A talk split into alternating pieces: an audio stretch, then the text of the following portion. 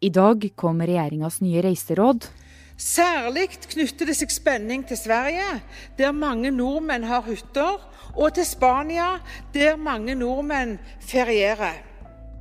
Og de fleste land kan se langt etter flokkimmunitet. Dette er koronakort forklart fra Aftenposten fredag ettermiddag 24.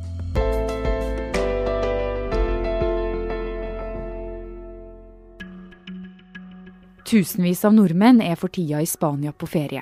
Men covid-smitten der øker, og derfor må alle som kommer til Norge fra Spania i ti dagers karantene.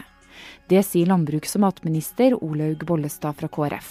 Det er et innreisetidspunkt til Norge som er avgjørende for om en må i karantene når en ankommer fra røde land eller områder.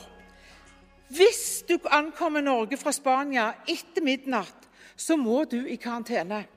Også folk som har vært i Andorra, må i karantene.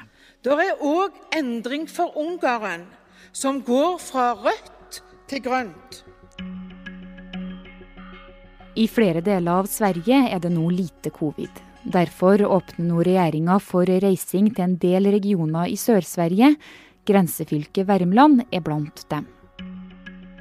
Alle bør tenke seg godt om før de eventuelt reiser, fordi vi er midt i pandemi, og det er ikke risikofritt å reise.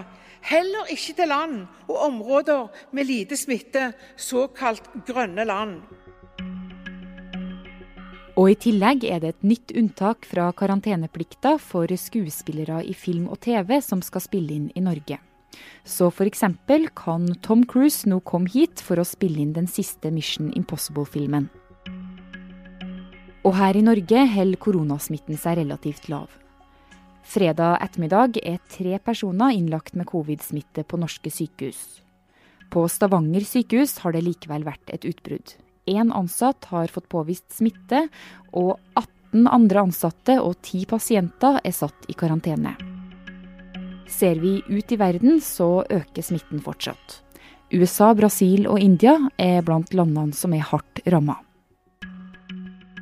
Ifølge Verdens helseorganisasjon er ingen land i verden i nærheten av å oppnå flokkimmunitet. For å klare det må minst 50-60% av befolkninga være immun. I de landene som er nærmest nå, er bare 20% immun.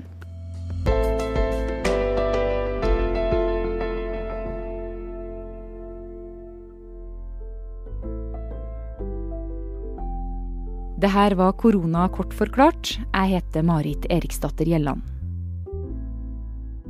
Og du, i sommer så har det skjedd en del i verden. USA har levert sin utmelding av Verdens helseorganisasjon. Rapperen Kanye West vil bli president. Og journalister her i Aftenposten har avslørt hvordan staten har brukt konsulenter på det eksperter kaller en uryddig måte.